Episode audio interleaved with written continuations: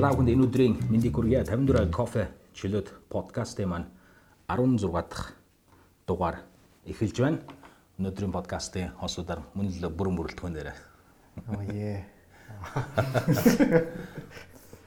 Болдоо маань нөгөө маргаашаас Япон руу явж байгаа. Тэгээд түүний сүүлчийн подкаст байх болно. Ямар байлаа вэ? Гэдэг нэг. Тэгээд бол сайхныг Токио руу сургууль судалгааны ажлыг үргэлжлүүлж явахаас өмнө бид нар бас Монгол дахь зуны хамгийн сүүлийн подкаст гэж хэлэх шиг боллоо. Тэгэхээр маргааш нэсгэлээд намруулж байгаа л бисаар. Өнөөдөр баг намар болчихлоо шүү дээ. Хата аим. Маргааш маргааш би маргааш гэж хэлсэн бол би маргааш. Чингэлтэй гэж ирсэн гэдэг.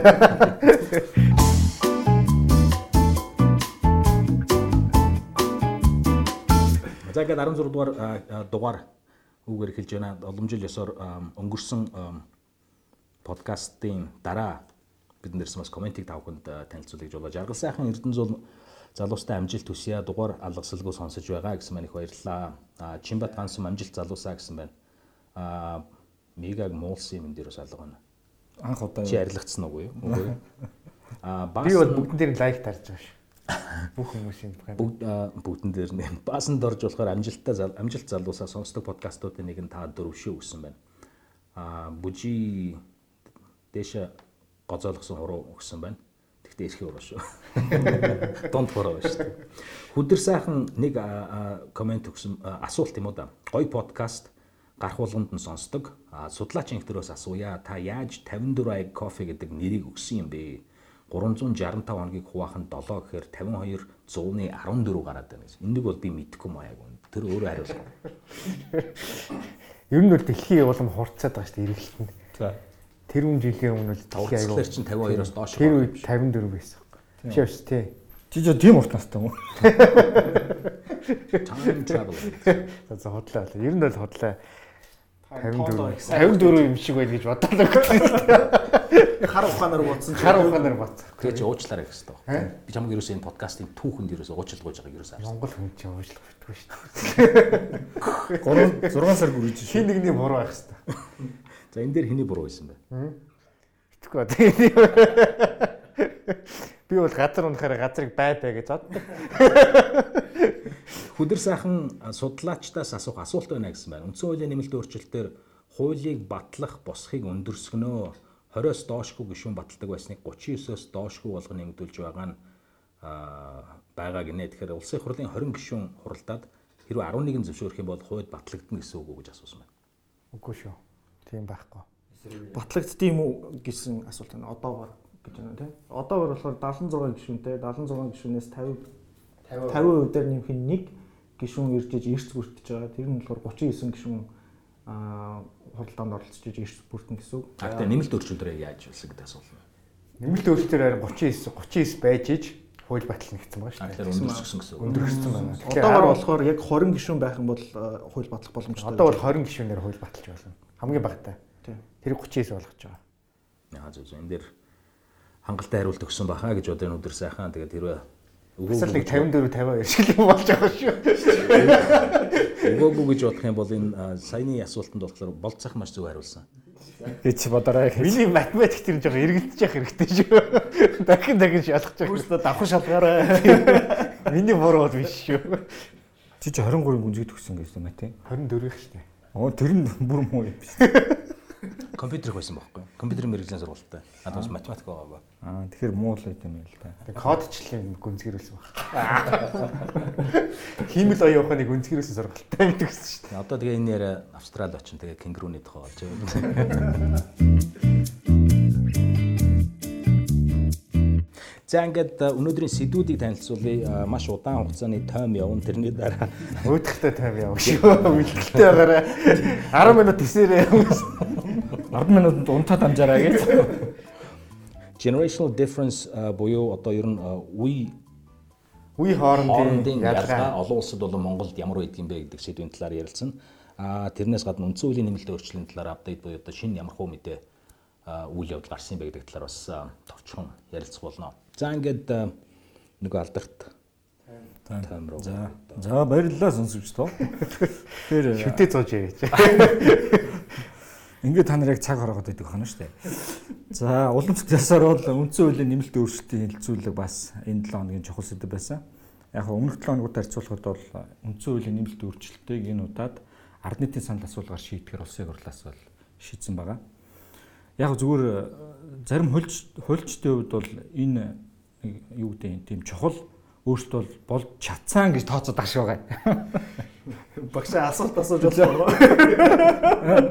Асуулт асууж болоо. Болно. Та яг оруугаа байна. Би хүн ингээ яриан гацаад ирэхээр угаасаа нэг гараараа ингэж те гүйцэхэд идэг шүү дээ. Би чинь хөлж яг хөтлөд байгаа. За ард нийтийн санал асуулгыг юу хийхдээ яг яаж хийх юм? Энэ үндсэн хуулийн өөрчлөлтүүд Тэр дэмжих үү сүүлд нь дэмжихгүй юу гэдгийг Подкастын сүүлд нь ярина шүү дээ. би асууж штэ мэдгүй бол. Яг яг үндсэн хуулийн нэмэлт өөрчлөлтийг болохоор ард нийтийн санал асуулгаар шийднэ гэдэг нь ард нийт яг тийм үгүй гэж хариулснаа шалтгаалаад үндсэн хууль батлагдана гэсэн үг нэмэлт өөрчлөлт. Аа энэ нь болохоор нийт иргэдийн 50 51% саналаа өгвөл 50 дээр нэмэх нэг үү? нэг тий ард нийтийн санал асуулга тооцогдно. А бол мөн үндсэн хууль нэмэлт өөрчлөлт орсон гэж тооцогдно. Хоёрд нь болохоор энэ оролцсон иргэдийн 51%-д нь 50 дээр дэмжлэг нэмэх авахгүй бол дэмжлэг авахгүй үндсэн хууль бас батлаг өөрчлөлт батлагдаагүй гэж тооцогдно. А тэгээд 8 жил энэ асуулыг дахиж ярихгүй болно л гэсэн үг юм л. Тэгээ хамгийн сүүлд санал асуулах явсан байсан шүү дээ. Үндсэн хуулийн нэмэлт өөрчлөлтөд холбоотой хангалттай мэдээлэл авч байгаа юу гэсэн 80% аваагүй байна. Тийм шүү дээ. 20% манай подкастын сонсогч Бас нэг асуулт нэг үлээр энэ нөгөө мэдж байгаа 20%-аас нь асуух санал асуулах юм уу эсвэл мэдгүй байгаа 80%-аас нь авах юм. бүгднээс нь авах нэрэлж байгаа гэсэн үг. Тэр 80% чинь тэгээд санал асуулганд орох уу гэсэн чинь орно гэсэн байсан шүү дээ тий. Мэдгүй байгаа юм. мэдхгүй ихтэй орно. Гэхдээ монголчууд яадаг вэ гэхээр мэдж байгаа юу гэхээр мэдгүй гэж хэлэх аюу дургу байхгүй юу? Нэрлэхсээр байгаа л ер нь батлагч. Хан ухаанаар батхад тэгээд л гэж. За ерөнхийлөгч Батулгаас үндсэн хуулийн нэмэлт өөрчлөлттэй холбоотой төслөө эргүүлэн татж байгаа юм байна. Ягаад тэгэхээр энэ нэмэлт өөрчлөлтөө сэтгэл одоо юу гэдэг санаад нь хүрсэнгүй олигтой сайхан өөрчлөлт болсонгүй гэдэг учраас өмнө нь оруулсан төслөө буцаас татж байгаа юм байна. За хөдөө аж ахуйн яамны сайд байсан улсын хурлын гишүүн Бацэрэг нарт холбогдох Банхар банхар бацэр мөн. За яг нь 10 хүнд холбогдох хэргийг шалгаад прокурорт шилжүүлсэн байна. Тэгээд энэ нь болохоор юм байна. Нөгөө жидүү жидүү штэ. Жидүүд холбогдсон хүмүүс нь болохоор улсын хурлын гишүүд биш юм байна. Тэд нар чинь бол үндсэндээ ингээд ямар ч хэрэг толгогдоогүй. Харин нөгөө жидүүгийн ажилуулж ирсэн. Улсын хурлын гишүүд. Үгүй шалгаа дууссан юм байна. Тийм үү. Тийм. Шалгацаа зүүн энэ аваад хайчаа үсттэй. А жидүү санд ажилтдаг хүмүүсийг нь бол прокурор шилжүүлж байгаа юм байна. Энийг онцлог. За бас нэг өнөөдөр болсон үйл явдал гэсэн чинь Бацамтан болднор чинь нэг шинэ нам байгуулж байгаа. Бүр яг шинэ гэдэг нэртэй. Шин шин нам байсан. Дахиад нэгдсэн байгуулсан. нам. Бид нар ч нэг нам байгуулсан. тэр нь юу байсан? Тэрийг Албан нөгөө ёсоор бүртгэж. улсын улсын дэч бүртгүүлж байгаа юм байна. Өнөөдөр бүртгэгдсэн үү тэгээд. Бүртгэгдсэн. Албан ёсоор бүртгэж. 34 шин гэдэг нам. 34 бүртгэх Шин- нам. Шинжаан Шинжааныг аягүй дэмждэг шүү дээ бацаа. Тийм үү. Тэгээ шинэ гэж. Тэгээ шин нам гэж вэ? Шин Шинжаан гэд бичлэр аягүй утгагүй байхгүй тийм учраас товчлоод шин нам гэд. Яг үндэ бол наа Шинжааны нам шүү. Амар орлсон тий. За Off the record. Улс төрийн хэлс хэрэг тэлмэгдэгчдийн дурсгалыг жилүүр тэмдэглэдэг. Тэгээ энэ жил өчигдөрөөс тэмдэглээд өнгөрсөн байна. За боллоо. Шигт. Яг өвшөж. Одоо гоё гоё хэсэг аваад. Биш хойштой би тайм хийхэ болоо. Төрөө төрөө. Гэхдээ яг үндэ төрөө чамд атаарах гэж байгаа. Тийм. учраас л ингэж ярьж. Төрөө төрөн би том хийж ийл та гэж надад яриад байсан. Ер нь төрөөд өгөө. Эний чи бэлт гэж бас бүтэн өдөр гардаг шүү дээ. Би хийвэл аягүй сайн юм гэж юм яриад байсан да. За ингээд үндсэн сэдвт орё. Generational difference олон улстай Монгол буюу одоо үе хоорондын ялгаа гэдэг сэдвийг та бүхэн өндөр хөндөж ярих гэсэн байгаа. Тэгэхээр үе хоорондын хувьд бол олон улсад болон Монголд бас онцгийн хувьд ялгаатай тайлбарлаж байгаа юм бол цагаа. Би сайн мэдэхгүй л энэ да. Юу А тэгвэл энэ сэдвийг алгасаа дараагийн яг нөгөө манай хүмүүсийн аюу мэддэг генерашнууд байдаг шүү дээ. А millennials гэж яриад байдаг, baby boomers гэж их яриад байдаг. Иймэрхүү нэр томьёо бол нөгөө баруун Европ болон Америкийн судлаачдын гаргаж ирсэн юм томьёонууд байгаа. Тэр энэ томьёонуудыг хараад хальт дуртад явчих юм бол за алдагдсан generation буюу lost generation гэж байдаг. Тэр нь одоо 1880-аас 1900 оны үеийн хүмүүс байна. Түүний Европч те. Тийм Европ, тийм баруун олон улс Европ. олон улсад тийм үү? Европт биш зүгээр олон улсад. Монголоос бусад газар гэсэн үг тийм үү? Аад тийм байгаа юу? байхгүй. Аад ч нэгдүгээр дайнд ороогүй шүү дээ. Ороогүй. Тэгээд хойд Америкийг яах. Хойд Америк тий баруун Европын судлаачд болон Хойд Америк тий Тийм, баруун Европ, Хойд Америк. За баруун Европ. За Баруун тэгэл явчихвал хөө. тий баруун гэж байгаа. Lost Generation гэж байсан. Түүний дараа хамгийн агуу generation үе гэх юм уу тий. Тэр нь одоо 1900-аас 1920 оныхын 20 онд төрсэн хүмүүс байгаа шүү тий. Яагаад Lost хамгийн үгүй Lost Generation гэдэг нь бол дайн дүрэг их нь үрэгдээд алга болсон чинь. 1880-аас 1900 онд төрсөн гэдэг Учраас lost generation. Дэлхийн 1-р дайнд үрэгдээд алга болсон generation-ыг хэлж байгаа. Түүний дараагийн generation нь болохоор 1900-аас 1920 он төрсэн. Тэг яагаад агуу generation юм бэ гэхээр яг эдгээр насн дээр дэлхийн 2-р дайнд оролцож нацистыг нацист хөдөлгөөнийг багсан team generation гэж ярьдаг. Үүний дараа silent generation гэж ярьдаг. За энийг хэлсэн мэдэхгүй маань 20-оос 40 он төрсэн хүмүүс байна. За тэгээд baby boomers гэж ярьдаг. Аа, 1945-аас 1965 он хугацаанд төрсэн. Дайны дараах эд сайхан үед төрсэн. Ягаад дэд сайх вэ? 50 үед шүү дээ. Их 50 үе дээрээс нь Америкийн болон баруун Европын сэргийн босголт явагдсан. Эдийн засаг маш урттай. Ягаад baby boomers гэд нэрлсэн тэр? Маш олон хүмүүс төрсэн байна. Хамгийн их төрөлт болсон юм. Харин ягаад? Дайны дараа их 50. Тэгээд энэ ч бас нэг секс усгал ихсэн үед гэж биш. Freedom. Тэр бол дараа сүүл Аа тийм шүү. Дайнд яваад Яг ирсэн. сэдэн орох гэжсэн чинь. Тэр таслаа ичсэн чинь. А дараагийнх нь За Boomerсийн дараа Gen X буюу Generation X гэж хүмүүс төрсэн байгаа. Тэр нь 65-аас 79 онд төрсэн хүмүүс хэлж байна. За Generation X-ийн дараа бидний хамгийн сайн мэддэг Millennials 1980-аас 2000 онд төрсэн хүмүүс. За тэгээд Gen X 2000 оноос хойшоо төрсэн хүмүүс байна да. Манайхаар бол нөгөө PC-ний generation PC-ний үеийн Gen Z юу? Gen Z Gen Z. За, ийм байдалтай га- гадаадад бол юм байна. Монголд яг тийг бол бас ярилцаад явах бах тийм. Монголд яадаг мега танилж болох вэ? Яаж яаж- хуваагддаг? Гэхдээ яг энэ талаар яг тийм тухайлсан судалгаа бол ахгүй. Бид нар зүгээр болцолт байдлаар бол ангилж болох байх. Тухайлбал 1950-аас 60 оныг юу гэж нэрлэх юм? Нэгдэлч хөдөлгөөний үе те. нэгдэлчих хөдөлгөөн ажил дүрчлэлтэй үе. Ажил дүрчлэлт нь арьж ийн гараад байна. нэгдэлжилдэг. Нэгдэлж хөдөлгөөн хамгийн анх явагдсан учраас бас тэгэл байгаа л да. Яг дэлхийн 2 дугаар бас дайны дараа чинь тийм үү? Яг болж исэн өөрчлөлтүүдийг яваад байгаа юм байна. Өмчийг хураагаа цайхан нэгдэл байгуулад Коммунизм байгуулж эхэлж штэ. тэндээс чи эхлээ нөгөө нэг хотчих хөдөлгөөн явуулж байгаа. Малаа аюу яасан хүмүүс чинь ерөнхийдөө хот руу. хураал болцсон хүмүүс. Тий. Тэгээ ажил дүржиж эхэлж байгаа хотод. Аа тэр нь болохоор 61-ээс 70 он болж тооцож болж байна. За 71-ээс 79 оныг бол бас юу гэх юм завсар үе гэж нэрлэж болох юм уу те. Манай ах нар шүү дээ одоо бидний ах нар. За 80-аас 95 оныг бол Оросууд бол э, Горбачевын үр хөвгтүүд гэж нэрлэдэг юм лээ. А бидний үед бас ялгаа авахгүй Перестройкийн үе хэлж болох байх те. Шинжилт өөрчлөлт гэх юм юу гэдүүлээ. Өөрчлөлт байгуулалт юу байгуулалт. Тий. За 96-аас 2004-ийг бас муухай нэрлэл юу гэж нэрлэв. Картын барааны үг. Шилжилтийн үед нэрлэж илтэй. Тий, хомсдлын үе. Тэгээд 2005 оноос хойш энэ дэлхийн нийтийн үедээ бол давхцаа авчих واخ уу.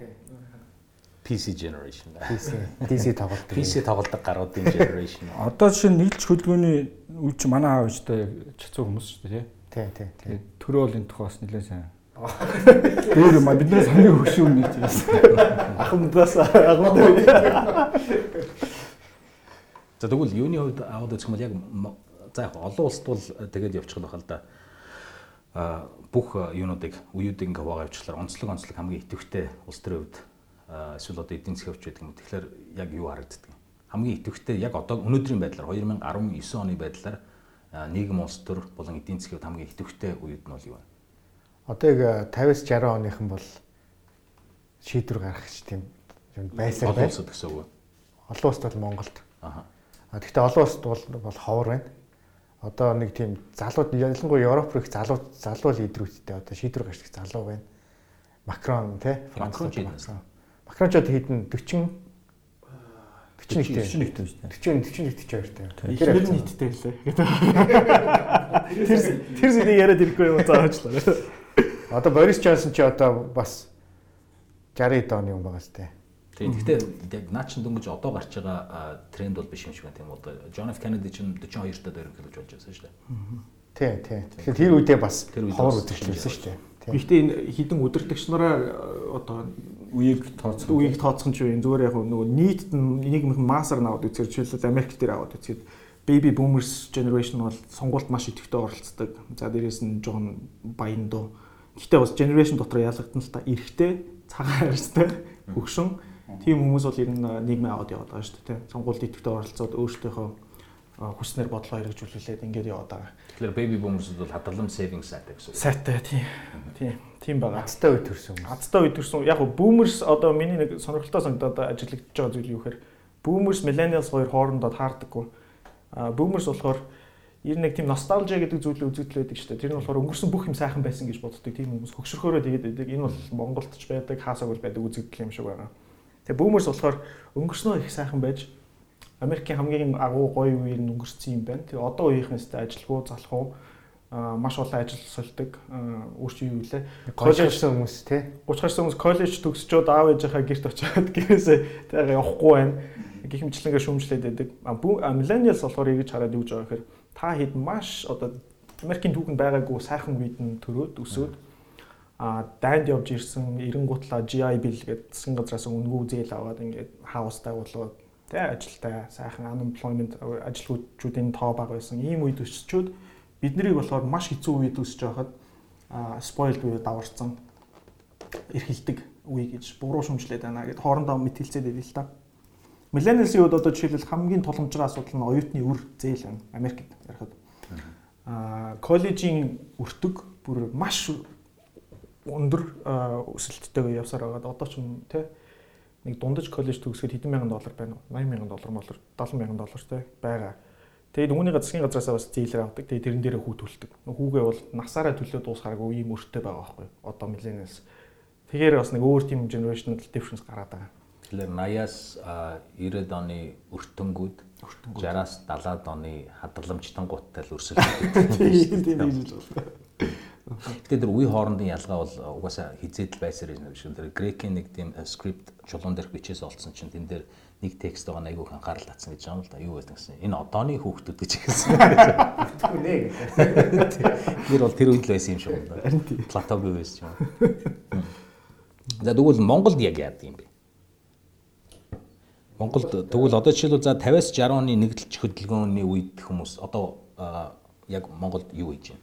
Тэтгэвртэй гарцсан байгаа зү тэ 70 эдтэй 80 эдтэй хүмүүс. Тийм гэсэн үг. Зүгээр миний ажиглалтаар бол 50-аас 70 оныхныг бол яг социалист нийгмийн бүтээгдэхүүнүүд яг бэлтгэгдсэн боловсруучнууд гэж ойлгож болохоор юм шиг байна. Одоо энэ нөгөө баатрын нэвтрүүлэг байгаа шүү дээ. 100 ирхэм. Тэрний чи ихэнх нь бол яг тэр үед төрсэн хүмүүс байгаа шүү дээ. Тэгээд энэ одоо Монголын алтан үе гэж алтан үе гэж хэлдэг шүү дээ тий.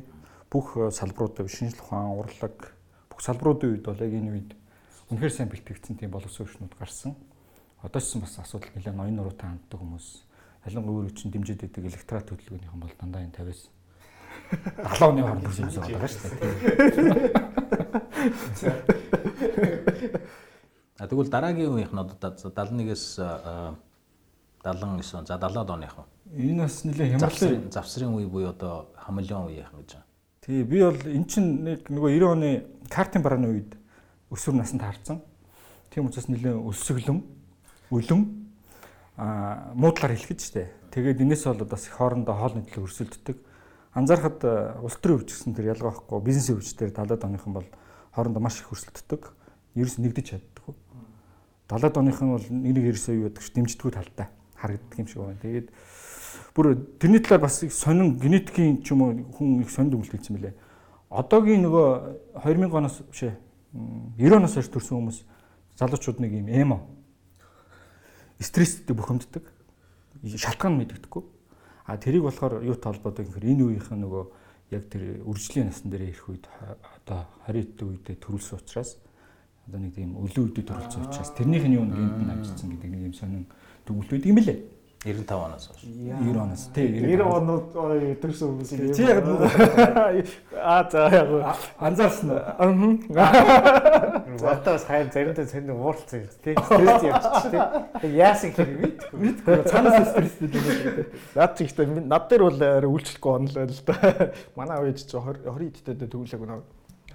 Ээж манай ээж чи одоо юутэй 50 одоо 70 та хэрч идэх 50 он төрсөн юм байна тий. Идэ элбэг дэлбэг байх намайг төрүүлсэн гэж шүү дээ. Гэхдээ тэр үндий ярьжсэн надад сонирхолтой санагдсан юу гэхээр 50-аас 70 оны хүмүүс бол ер нь юу loyal гэдэг ч одоо хүнд айгүй үнж үнэн ч үлдээ. Тэгээ улс төрийн нөгөө нэг тууштай нэг намд итгэдэг бол тэгэл тэр нам одоо нэг улс төрчийг дэмждэг бол тэр хүмүүстэй амар муу юм хийгээд явж байсан ч дэмждэг тийм хүмүүс байдаг. Юм шиг санагдсан. Тэгээ дээрэс нь коллект сайтай гэдэг л хоорондоо Ивтэй. Ивтэй тэгээ ийм хөгшөрсөн мөртлөө одоо хүртэл нийлээл ингээл ингээл те манайхан танайх ингээл ингээд явдаг. Тэгтэл хүүхдүүд нь болохоор мегагийн хэлж байгаараа яг эсрэгээрээ ч юм шиг аа, ингээд ярьж штэ нэгдэж чаддаггүй. Гэхдээ нэгдэж нэгдэж чаддаг гэдэг ч юм бол тэр юу нэ millennials дотор ч гэсэн бас байдаг дээ. 80-аас 95 он гэхэлэр чинь одоо хүртэл нэгдэж чаддаг байхгүй юу? Тий. Зарим А 70-ад 80 70-аас 80 оныхын тул энэ үйлчлэхгүй болчиход байгаа. Одоо хамгийн их салд ихтэй. Үн өөрөө тийм болгоцсон билээ чаваас өөртөө тийм болоогүй. Тэгэл хол бол хамгийн их солонгост очиж ажилласан хүмүүс чинь энэ үеийнхэн бай тээ. Тэрнээс болоод гэр бүл салд ихтэй, асуудал ихтэй тийм л үе юм билээ л дээ. millennials-ын гол онцлог гэдэг үл юу вэ? Дараагийн үеийн юм. өөрсдийнхөө үеийг ярих юм уу? Тийш өөрөхөж болоо. Миллениалс дүнгэж орсон. Хамгийн үе шүү дээ. Давтал ихтэй. Тэгээд их за 80-аас 95 оныхын тул их за ер нь бол магтах юм ихтэй л дээ. Тэргээл. Одоо зүгээр миний бодлоор бол соц ер нь Монгол болон коммунист байсан те пост коммунист орнуудыг ерөнхийдөө л социализм өмнөх ба дараа гэж хуваагаал генерашны хувьд айгүй зүгээр нийтлэг харагдаад байгаа байхгүй. Энэ одоо яг Америк гэдэг чинь болохоор нөгөө нэг яг тийм юу байхгүй яг үдэс суртал явд нэг амар юу ченж байхгүй шүү дээ үд- үнэт зүйл үдэс суртал явд ченж байхгүй явж байгаа. Бидний хувьд ингээ 90 оноос өмнөх ба хойно гэдэг асар том эртис өөрчлөлтийн үе. Тэгэхээр миний бодлоор бол яг Монгол болон пост коммунист орнуудын хувьд л үеийн хоорондын ялгаа бол 90-с өм- өмнө үү хойно гэдэг. Соц соц сэтгэлгээ сууж амжсан байна уу, амжааг байна уу гэдэг. Тийм л Эсвэл нөгөө талаас нь харж болох юм шүү. Тэрний үг гэж нэхлээрээ за одоо яг энэ а, generation-ы хувьд ярих юм бол яг ухамсар суусан насанда системийн шилжилтийг харсан учраас тэд нар илүү одоо хэрсүүч байдаг юм уу? эсвэл өрсөлдөх чадвар ихтэй ч юм уу эсвэл амьдрах чадвар одоо софтвер гэх юм уу одоо ухамсарынхаа талаасаа илүү их одоо Уяатан те. уян хатан байж чаддаг байсан юм болов уу? Бид нар чи одоо эцэг ихээс л бүх үнэт зүйл юугаа авч байгаа шүү дээ хүмүүжлээ. Одоо 90 он гэдэг чи 10 настай хүүхэд гэдэг чи одоо янз бүрийн нийгмийн юу бол байхгүй, улс төрийн үзэл баримт байхгүй байж байгаа. Бүгдийг аав ээжээс л авч байгаа. Аав ээж нийгмээсээ орчноосоо. Тэгэхээр ерөнхийдөө ингээд 90 онд өөрчлөлт мөрчлөгийг сайн ойлгоогүй ингээд мэдрээгүй явж байгаа. Юу социализмын юу ч нэг сайн сууж амжаагүй явсан. Үгүй байхгүй. Тэгээд дараа нь нөгөө 90 оноос хойш аав ээж нар ч өөрсдөө юунд орчиж байгаа байхгүй. Хямралд орчиж байгаа. Тэгээ үнэт зүйл болон үзэл сурталын хувьд бид нар ч ямар нэгэн бай тэрэн зөв энэ буруу гэж хэлэх хэцүү. Яг л өөртөө адилхан ингээд шинэ юунд орсон. Бид нар бүгд адилхан. Насаараа насаараа Ленин мундаг явж ясныг Тэгээ тэгээ одоо Ленийг магтаж болохгүй муулах гэхээр бас хэцүү ингээд нэг иймэрхүү. Тэр бид нар нэг тийм яг тийм тогтсон тийм үнэт зүйлс юу суугаагүй. Ээж аваас бол ирээгүй. Миллениалс А тэгэхээр хамаагүй нөгөө а, бие даасан сэтгүүн давж өгсөн гэсэн үг те? Гэхдээ сайнаар ярил тэр муугаар ярил бид нар ч ямар ч үнэт зүйлсгүй юу. Чиглэлгүй хүмүүс. Чиглэлгүй хүмүүс болчихж байгаа байхгүй. Тий яг зарим. Дуртай дуртай чиглэлээ ингээд өөрөө ингээд аваад ингээд явж идэг. бид гуравт бол байгаа шүү нэцүү.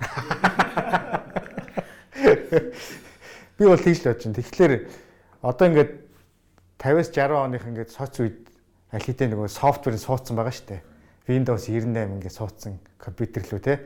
Одооны янз бүрийн үнэт зүйлсийг хийхлээр зөрчил гардаг. Тэ? А ягаад соц соц нийгмийн нэг онцлог бол хоёр нүр гаргах хэрэгтэй.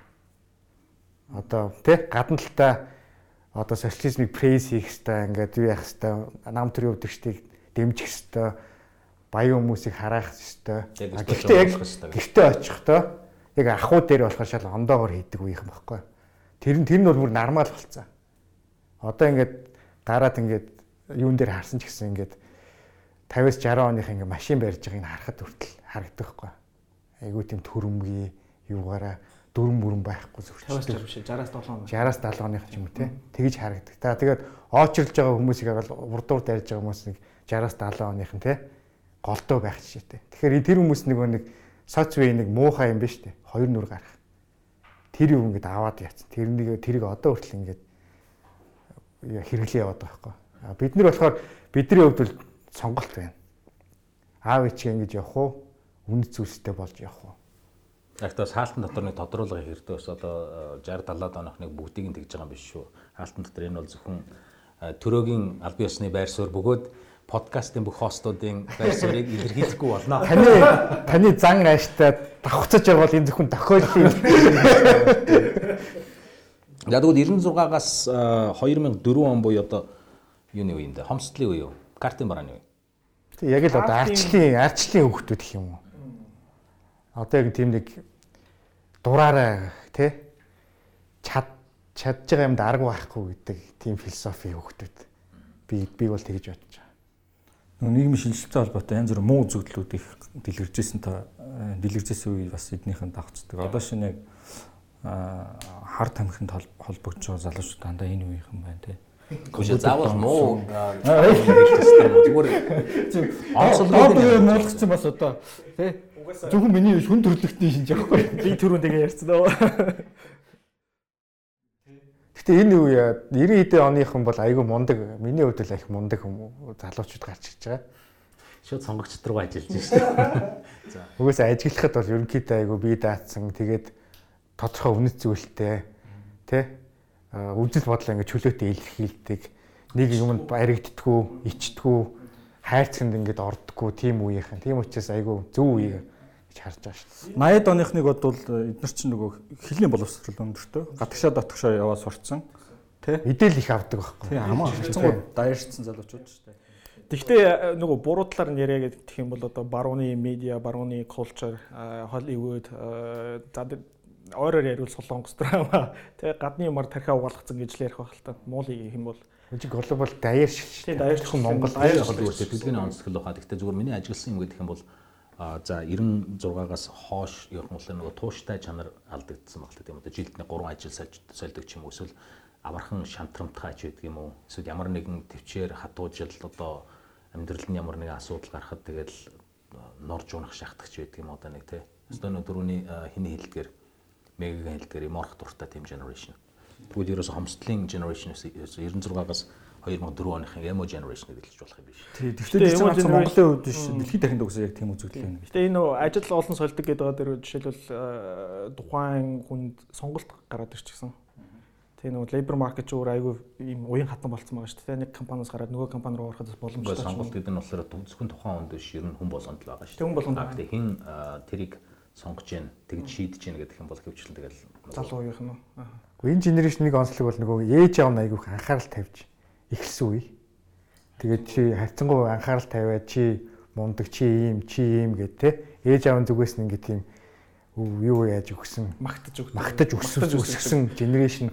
А биднийх ч юм бол яг чи юу яалаа олноос онцгоорлоо захилгагуудлаа те ангийнхан шиг байсангүй бусчгээ явсангүй те чи ингэх гэж одоо загнуулж өссөн үеийнхэн болохоор бас тэр нь бас ямар нэг үйл нөлөөлдөг учраас тий одоо нэг даргын доор бид нар бол арай илүү дуулууртай ажиллаж шээ ягаад гэвэл багш эцэгхийн доор диктатурт бас ягаад гэсэн next generation бол хайцсангүй диктатургүй өссөн учраас тэд нар ч өөрийнхөө байхгүй. Таалагдахгүй бол явлаа тий ягаад гэвэл би мундаг би энэс илүү юм хийж чадна гэдэг итгэл. Чи мундаг гэдгийг яаж мэж аас ээж авт гэсэн юм чинь байна. Гэхдээ тийм шүү дээ. Одоо шинэ үеийнх нь гэх юм уу хитээс өдөө оныхныг дөрөв яриалаа. 96-аас 96-аас юм одоо. Тэр үеийн ч одоо жишээлбэл миний үе дээр жишээлбэл 10 жил дах чинь багш магс зоддог байсан шүү дээ. Тийм тийм тийм. Тэр хэцүү гэсэн. Одоо тий сахилга гутлаа инглээ corporal punishment гэдэг үстэй тэр багш багш нар ингэдэг байсан. За тэрийг нууцлаа. Тийм хөлөл айгүй илбэг дээрээс нь хүлэн зөвшөөрөгдчихсэн байсан. Одоо үед чинь тэгвэл хүүхдийн эрх зөрчлөө. За дээрээс нь хүүхэд болон гар утастай смартфонтой иймэрхүү асуудал гарах юм бол тэр багшийг тэгээ шууд лайв хийв шүү дээ. Тэгэл ажилгүй болдог ч юм уу ингээд цаг үе өөрчлөгдөж байна л да. Сайн эрэг эрэг байдлаар өөрчлөгдөж байна гэж. Тийм эрэг байдлаар өөрчлөгдөж. За тэгвэл 2005-аас одоо хүртэл буюу одоо дараагийн хамгийн generation Z юм. Тий, одоо яг бидний миний мэдхгүй хүүхдүүд хүүхдийн хүүхдүүд үе өсөв шүү дээ, тий. Эдгэр бол одоо жинхэнэ хамаг эцэгхэн бүрэн хөрөнгө оруулалт хийсэн бүрэн анхаарал халамж тавьж байгаа үеийнхэн. Аа, төрөө дигдэг байна. Дөнгөцөө яваад хүүхдээ бассейнд оруулчихад ирж штэ. Тий. Хамгийн сайхан юмнуудад ямар нэгэн тийм картын барааны талаар ойлголт ерөөсөө байхгүй юм шиг юм. Юм ямар ч дутагдлын талаар бол ойлголт ихтэй байна. Харин илүүдлийн талаар ярьдаг. Илүүд хэдэн грамм калоритой үлээд. Тий одоо яаж тураах вэ те Тиймэрхүү л асуудал байгаа шүү дээ эцэг. Яг мэдээж бүх generation талаар одоо байгаа хамгийн их conscious маягийн. тий. Хамгийн их тархалтай үеч одоо 2005 оноос хойш хүүхдүүд гэдэг байгаа шүү дээ тий. Яг давуу талж байгаа, сул талж байгаа, төрөг ийлж байгаа эцэгчүүд нь харьцангуй анхаарал хандуулдаг болцсон гэдэг а зүгээр анзаарч байхад бол яг Монгол соёлоос бас нэлээд холдсон тал руу явж байгаа шиг байна. Янз бүрийн хэлний хятад хэлтэй ч хүүхдүүд байна те. Япон, Солонгос хэлтэй, Орос эцэгчүүд болон баг хэлний өөр өөр хэлний сургалтанд явуулж байгаа. Тэгээ тэрнээс болоод гадагшаа дотгошоогооч өссөн энэ хүүхдүүдэд явуулаад бүр ингээд харьцсан тийм хүмүүс нэлээд болцсон. Тийм учраас одоо Монгол хэлний шалгалтанд хамгийн их унж байгаа үе ч одоо эднэр биш тийм үеийнх 90 2005 оноос хойш хүүхдүүд Одоо эзэлчин бол зүгээр нөгөө нэг одоо эднэрт бол гараар юм бичих шаардлага байхгүй байхгүй. Дандаа мессежээр утсаар ингээд те компьютер дээр софтвер дээр ингээд юм бичдэг латинаар юм бичдэг үеийнхэн болохоор бид нар шиг ингээд гараараа ингээд юугүй алдаагүй монголоор юм бичих юм шаардлагагүй. Тэгэхээр тэрнтэй л холбоотой байх л та. Зүгээр би би бол одоо хүүхдээр хүүхдээр иш явахд бол одоо том болоо юу болох вэ гэхээр ютубер болно Тэр нь юу гэж байгаа. Одоо тэр нь одоо бид нэр миний ойлгосноор бол те нэг хүн ингээд компьютер тоглоом тоглоо тэрийг өөрөө бичээд YouTube-ээр цацдаг юм шиг хэлээ л те. Ганцхан компьютер тоглоомч биш шүү дээ. Влог хийх гэдэг яриад байгаа. Тийм тийм янз бүрийн тиймэр хүмүүс байт юм бэл. Чи гэхдээ тэр YouTube гэж юу вэ гэдэг үү? Намайг австралд байх та. За тэгвэл ингээд generation-ы одоо ялгаа олон улстай Монгол гэдэг сэдвийг энэ үрээд өндөрлөё. А өөр нэмж хэлэх комент байхгүй зү. Уу яг зүгээр хэлэхэд бол үнэт зүйлийн одоо өөрчлөлт одоо энэ үед бол айгүй хурдтай өөрчлөгдөж байна. Өмнө одоо хэд хэдэн генерашн явах нэг л үнэт зүйлстэй байсан юм бол одоо бол үнэт зүйл маш хурдтай өөрчлөгдөж байгаа учраас хүн болгонд айгүй стресстэй байна, хэцүү байна. Тийм учраас бүгд ностальжиа байна. Сац үе сайхан байж, тэр бүх юм тодорхой байж үнэт зүйлс тодорхой энэ сайн энэ муу гэдэг бүгд мэддэг. Монголч улсд бол олон улс ч гэсэн адилхан ерөнхийдөө одоо бол бүх юм өөрчлөгдөж байгаа учраас бүгд стресстэй. Одоо өмнө ингээд хүүхд зодож явахт хүн хүүхдэд зодож явахт бүх нормал байсан шүү дээ. А энэ хүүхдэд одоо бол өө чи хүүхдийг яалаа гэдэг лайв хийлээ тий гих мэтлээ ингээд айгүй одоо эхнэр нөхрөө хэрэлтлээ. Тэгэх юм бол одоо цагдаа дуудана тий эмгтэй үний хүчрхийлгээд ингээд яадаг үе. Гих мэтлээ ингээд үнс зүйл чи өөрчлөгдөж байгаа байхгүй маш хурдтай. Тийм хурдтай байгаа ч хүмүүст айгүй тийм хэцүү юм шиг санагддаг юм шиг лээ. Хятадаар нөгөө нэг нэг хараал гэдэг нь шүү дээ. Өөрчлөлтийн үед амьдраараа гэдэг хараал. Хятадаар нь бол. Шиаш. Өөрчлөлттэй юу нэ? Өөрчлөлтийн үед амьдраараа гэдэг хараал. Өөрчлөлтийн үед амьдраараа. Ченжийн үед амьдраараа гэж байгаа байхгүй. Тэр үл айгүй хятадын хараал та хэцүү үе гэсэн үг шүү дээ. Бид нар бүгдээрээ одоо тэр хараалан дагуу Бид нар бол мэдэхгүй маа яг гэхэлэр нөгөө багад тэгж хэлж байгааг болохоор бид нар чинь Монгол ардын зүр цэцүү. Ил мэдэн шүү дээ одоо тэгээд яг уу яг тийм бас ингээд өөр үндэстнүүд ингэж ярьж байгаа нь бас их зүгээр юм.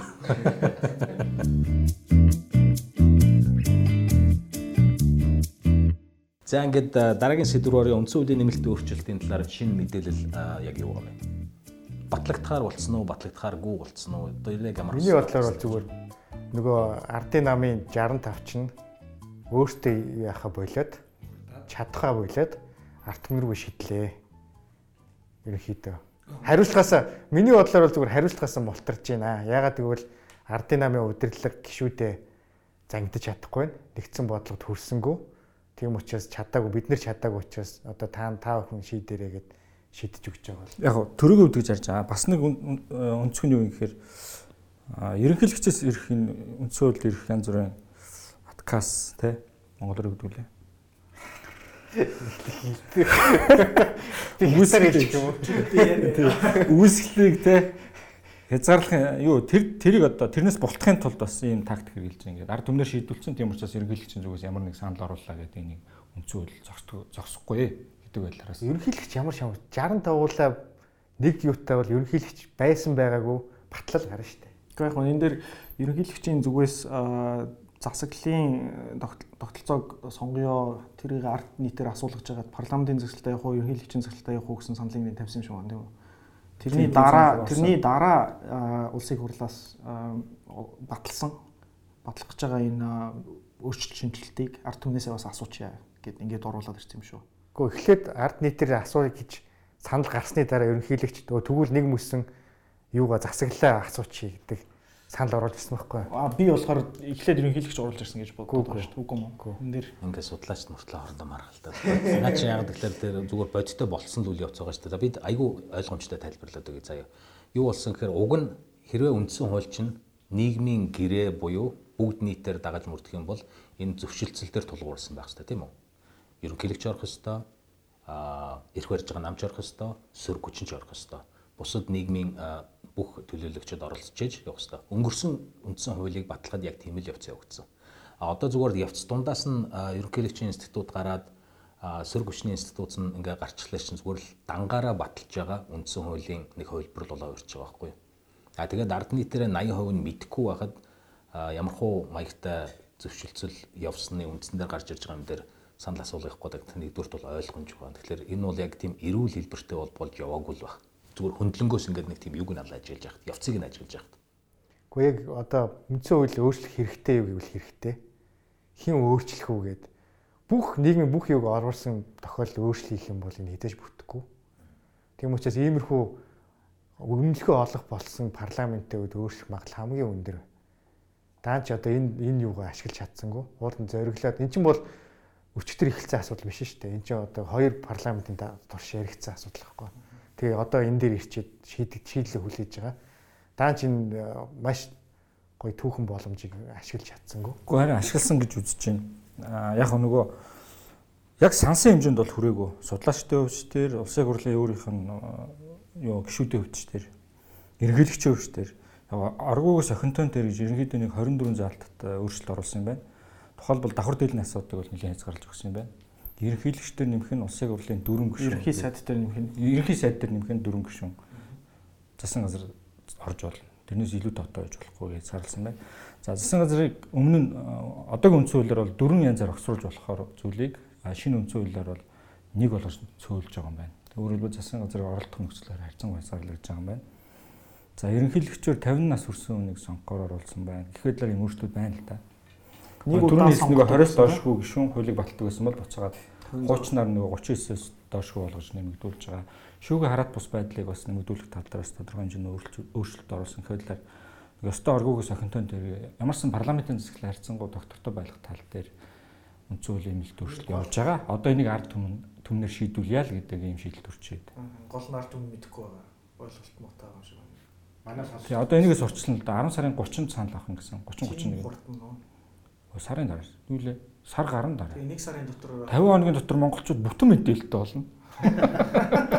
Ягаад гэвэл бид тэнгэрлэг ард. Тийм тэнгэрлэг ард юм уу? А 2 3 ажилт байгаа нь юу гэхээр нэгдүгüрх нь нөгөө түрүүний подкастын дугааруудаар яригдчихсэн одоо байгалийн баялаг бол төрийн нийт юм ч мөн гэдэг залт бол яг тэр чигээр орсон байл. Энэ яг юу гэсэн төр юм ч юм уу нийт юм ч юм уу? Энэ бол дэлхийд байхгүй нийт юм гэсэн. Энэ тэгээд яг хоёрдугаарх нь а хоёрдугаарх нь юу гэхээр анх удаага гадаад үг хэллэг орсон стратеги гэдэг боллоо. Хууль боллоо гэдэг жишээ. Шинэ үндсэн хууль шүү. Гоё шүү. Гэхдээ стратегийн ордууд гээд угаасаа нэрлээд нэлээд вирус ойлгох тийм яг хууль заагаагүй ч гэсэн тэгээд одоо тэр стратегийн ордууд гээд органик хуулиараа нэрлээд явчихсан ордуудтай холбоотой хуульд өөрчлөлт оруулахаар тэгээд юу гэж өөрчлөх вэ? Анхлаад стратегийн орд гэдэг ойлголт маань угаасаа дэлхийд байхгүй концепцийг манад оруулж ирсэн шүү дээ. Тэгээ одоо тэрийг үндсэн хуулиндаа шигтгэхэд өгч. Тийм тийм. Тэгээд би миний ойлгохгүй юм. Үндсэн хууль дээр чинь нэгдүгээр хоёрдугаар бүлэг дээр лөө байгалийн баялаг бүх ард түмний өмч мөн гэдээ байгаа штэ. Тэгчээ дараа нь дахиад яхаараа 51% гэж ороод. Стратеги орны 51% нь ардын хүмүүний өмч гэдэг давхар заалт орж байгаа. Би юус ойлгохгүй тийм залт 51% гэсэн юм байгаа. Гэхдээ шинэ шинэ үйл явдлын учраас 80% орчиж байгаа байхгүй. Энэ энд сууж байгаа хүмүүсээс 20% нь багц ганцхан л юм байна. Та мэддэг юм. Вига маш тааламжтайгаар инээж байна. Ерөнхий сайдыг огцруулахдаа хэрвээ огцруулахаар бол огцруулсны дараа 30 30 хоногийн дараа дараагийн ерөнхий сайдыг томилох хэрэгтэй гэсэн байсан тийм шинэ залтаа огцруулахдаа шинэ ерөнхий сайттай цуг оруулж ирэх гэсэн тийм. Үгүй үгүй энэ тэгж ярьж байсан боловч одоогийн болцснараа бол 30 хоногийн дараа яваагүй гэж яваагүй тийм. Гэх мэтлэн ийм косметик чейнж гэх юм уу тийм. Яг нөгөө уул нь хамгийн том асуудал юу вэ гэхээр засгийн газрын докторгүй байдлыг аа болиулах тийм. Ерөнхий сайдын доктортой байдлыг хангах гэдэг. Тэг яаж хангах юм бэ гэхээр заавал ерөнхий сайдыг огцруулъя гэвэл дараагийн ерөнхий сайд болох хүний нэрийг нь хамтд нь оруулж ирнэ ч гэдэг юм уу. Ийм уул нь бол зүгээр миний бодлоор бол ерөнхий сайд бүх кабинетээ өөрөө тамилах ёстой шүү дээ. Тэгсэн чинь тэр юг нь унгаацсан ш сая улсын хурлын э, чуулган дээр. Тэгэхээр одоо бас нэг өмнөх шиг фракц болгоно нэг сайд төгөлдөг. Тэ? Тэр фракцийн болсон сайд нь ерөнхий сайдын үгэнд орохгүй дураараа явдаг. Тэр юугаа дахиад явчих واخхой. Энэ дээр айгу сэтгэл гонсгор байгаа. Үнэхээр ерөнхий сайдаас хариуцлага нэг гэж байгаа бол бүх эрх мэдэл нөх ёстой шүү дээ. Өөрхөө хамтран ажил гэсэн бага бүрдүүлж чадах хэрэгтэй байхгүй. Одоо яг одоо ч хамгийн эрх мэдэлтэй хүн бол ерөнхий сайд мөн шүү дээ. Чухам тэрийг яаж ашиглаж яах гэдэг байхгүй юу. Тэгэхээр институцийн хувь хүний бурууг институцаас хайдаг хайдаг юм байхгүй зогсох өөрөө байхгүй учраас хувь хүн чинь өөрөө чадахгүй шүү дээ. Гэхдээ хувь хүний бурууг нь институцаас хайгаад хэрэггүй гэж байхгүй юу Ихэвчлэн Монголд яадаг вэ гэхээр одоо за янз бүрийн бүтэц мүтэц ихтэй компани бүтцэж байна уу эсвэл одоо журамч байна уу хийхлээрэ тухайн үед тэр ажил дээр байгаа хүнийг тооцоод толгоондоо төсөөлөд өөрчлөлтүүдээ хийчдэг байхгүй. А тэгэхээр дараа нь тэр хүний оронд өөр хүн очингууд нөгөөх нь яагаад тэгэхээр хувь хүний хувь хүн дээр үндэслсэн юм хийж байгаа учраас ямар ч амьдралгүй тийм өөрчлөлт болоод хувирчдаг. Тэрийг дахиад өөрчилдөг. Одоо жишээл юу байгаа юм Монголын түүхэнд одоо их хурлын дарга хүчтэй юу хүчгүй юу гэхэлэр бол хэлэхэд хэцүү. Зарим нь хүчтэйг нь, зарим нь хүчгүйг нь. А тэгвэл ямар үед хүчтэй байсан гэдэг тэгэхээр яг тухайн институц дээр хүчтэй характертай хүн очсон нөхцөлд, цахилга батан хүн очсон нөхцөлд тэр институц нь хүчтэй харагддаг байхгүй. Тийм биз дээ. Тэр чинь бол институт бэхжээгүй л шинжилтэй. Тийм. А тэгэхээр энэ чинь болохоор институцийн алдаа биш байхгүй юу? Институт институт хэрвээ жинхэнэ ёсоор бүрдэх юм бол ямар ч тэнэг хүн ирсэн институт явдгаар явах хэрэгтэй байхгүй. Хүнээс хамаарахгүй. Хүнээс хамаарахгүйгээр байх. Тэр нөгөө хүчтэй характертай хүн байна уу, хүчгүй характертай хүн байна уу тэрээс шалтгаалж. Гэхдээ институт бэхжээгүй гэдэг чинь болохоор нөгөө боловсон хүчний алдаанаас болоод эсвэл сул байдлаас болоод ажил явахгүй тэр чинь боловсон хүчний асуудал байхгүй. Түнс институтс хамаагүй шүү дээ. Тийм ээ. Институт чи одоо яг үндсэн хуулиараа одоо яах гэдэг шүү дээ. Бэхжүүлэх гэдэг шүү дээ. Одоо жишээлбэл яаж яах гэхээр төрийн албаны талаар хүн болгон ярьдаг. Төрийн алба сайн байна, муу байна, эсвэл чадвартай чадваргүй гэдэг. А тэгвэл төрийн албаны тухай хууль гэдэг маш сайн хууль байдаг бүх эрх зүй болон хууль зүйн бүх хамгаалтууд нь хийгдэж өгсөн мөртлөө маш улс төрийн нөлөөнд автаж боловсон хүчнийг нь байн байн сольдог учраас тэр институц нь сул байгаад байгаа байхгүй юу. А түнсэж тэр чинь цаасан дээр бол институц нь бол маш хүчрэх юм байгаа шүү дээ. А тэгээ боловсон хүчнээс болоод тэр институц нь сул харагдаад байгаа байхгүй. Энийг л ялгааг нь яриад байгаа. Тэр одоо ардсан солонгос айгүй ардсан үнцэн үлтэй шүү дээ. Цаасан дээр бол гой үнцэн үлтэй шүү дээ. Гэтэ яг ямар бодол байдал ямар энэ дээр юу харуулж байгаа гэхээр цаасан дээр хэрэв мөрдөх юм бол мөрдсөн шиг мөрдөөд цаасан дээр ихэд дагаа явуулж байхгүй. А түнсэш бол амьдрал дээр цаасан дээр нэгэн баталчаа тэрийг мөрдөхгүй бүгдээрээ тоглоомын вант улс болоод явах юм бол тэгээд тэгээд мөрд хэрэгцээгээ улс төрчөнд ойлгохгүй нийгэмч өөртөө ойлгохгүй тойроо уурлаад байгаа юм. Тийм амир шиг. Энд маш оюунлаг маргаан явж байгаа. Би надаас орж ирэх.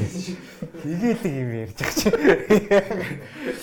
Нөгөө chicken chicken анхдагч уу, дахин анхдагч уу, өндөгч анхдагч уу гэдэг шиг хүний буруу юу институт миний зүг биз дээ. Юу ч ойлгохгүй тайруу.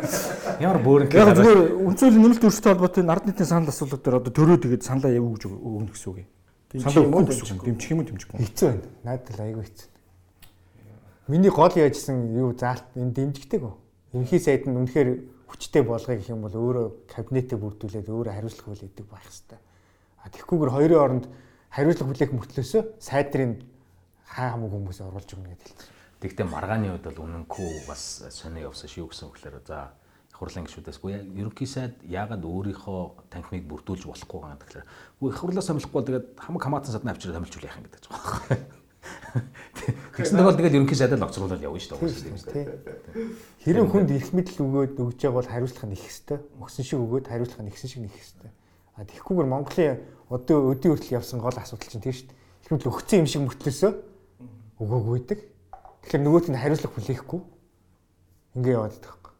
Тэгэхээр энийг нэг нэг тийш нь ягаад нэг хүн рүүгээ ингээд яг хариуцлагыг бүрэн чиглүүлээд тэр үндэ эрх мэдлийн нөгөө явуул болно зүгээр байна. Надад бас нэг таалагдаад байгаа зүйл заалт юу гэхээр энэ засгийн газрын өргөн мэдүүлсэн төсвийн зарлагын болон алдагдлын хэмжээг нэмэгдүүлэхийг улсын хуралд хориглоно гэж байна. Тэр нь ингийн үгээр юу гэсэн үг вэ? Энэ болохоор төсвөөр одоо улсын хурал дур зоргоор оролдохыг л хориглож байна гэсэн үг байна. Тэгэхээр засгийн газар нь бие даагаад төсвөөр батлаад аа тийм явна гэсэн. Шахааныхаа ажлыг эхнээсээ эхлэе гэсэн үг шүү дээ. Баг. Тий. Төс- Төсөл Хамгийн яам дээр байхад нь лоббиго хийж гэсэн шүү дээ. энгийн үгээр ингэж гэсэн үг байхгүй юу?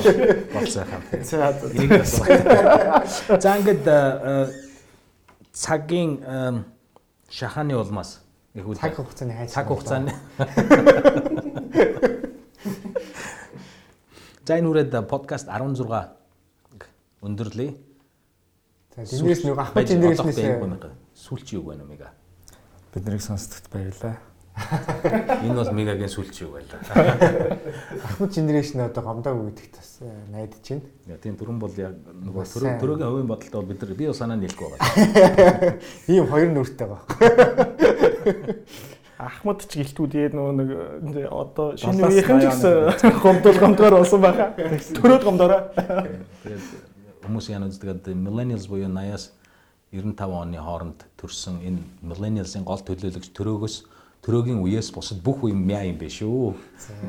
А тэгвэл тэрнтэй болцсайхан мега бид гурав ингээд санал нийлэхгүй байгаа шүү. Энэ бол сүүлийн 3 подкастын түвэнд хамгийн анх удаа төрөөтэй болцсайхан санал нийлэхгүй байгаа тохиолдол юм шүү. Чиглэлийн дагуу гэж. За ингээд өнөөдрийн подкаст үгээр өндөрлж байна. Харан сонссон бидэнд хамт байсан та бүхэнд маш маш их баярлалаа. Баярлалаа. За баярлалаа. За баяр та. За